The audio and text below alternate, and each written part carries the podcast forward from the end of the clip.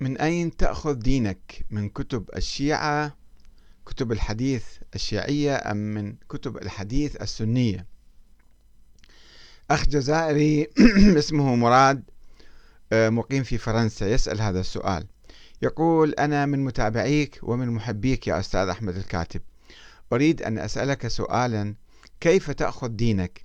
هل من كتب الحديث السنية أم من كتب الحديث الشيعية؟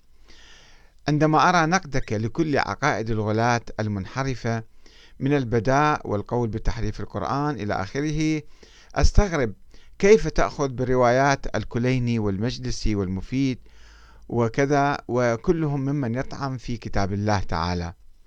أم أنك تأخذ دينك من القرآن فقط؟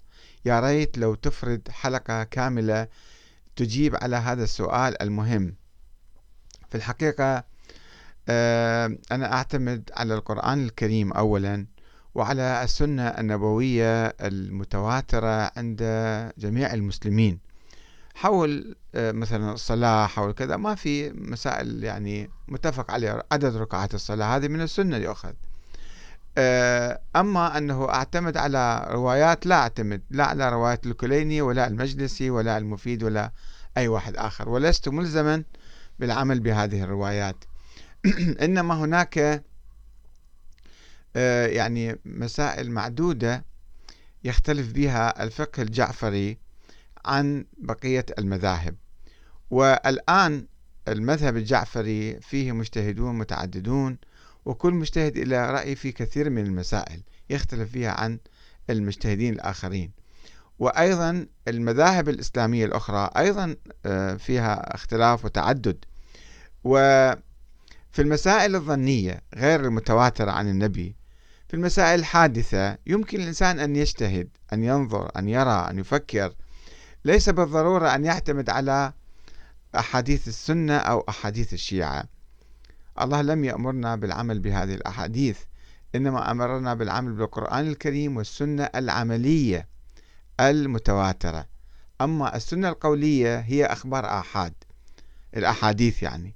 هي أخبار آحاد غير ملزمة لا في العقيدة ولا في الفروع. إنما علينا أن آه، نجتهد في المسائل الحادثة فقط.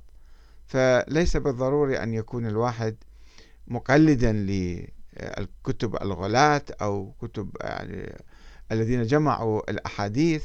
هذه أحاديث ظنية فيها نقاش يعني وإذا واحد تركها لا يكفر بالله تعالى. مثلا. الشيعة ما يأخذون بأحاديث البخاري أو مسلم والسنة ما يأخذون بأحاديث الكليني أو غيره ولا يأخذوا. ولكن هناك قدر مشترك من السنة النبوية العملية التي تفيدنا. ما عدا ذلك نحن نعود إلى القرآن ونجتهد في المسائل الحادثة. والسلام عليكم ورحمة الله وبركاته.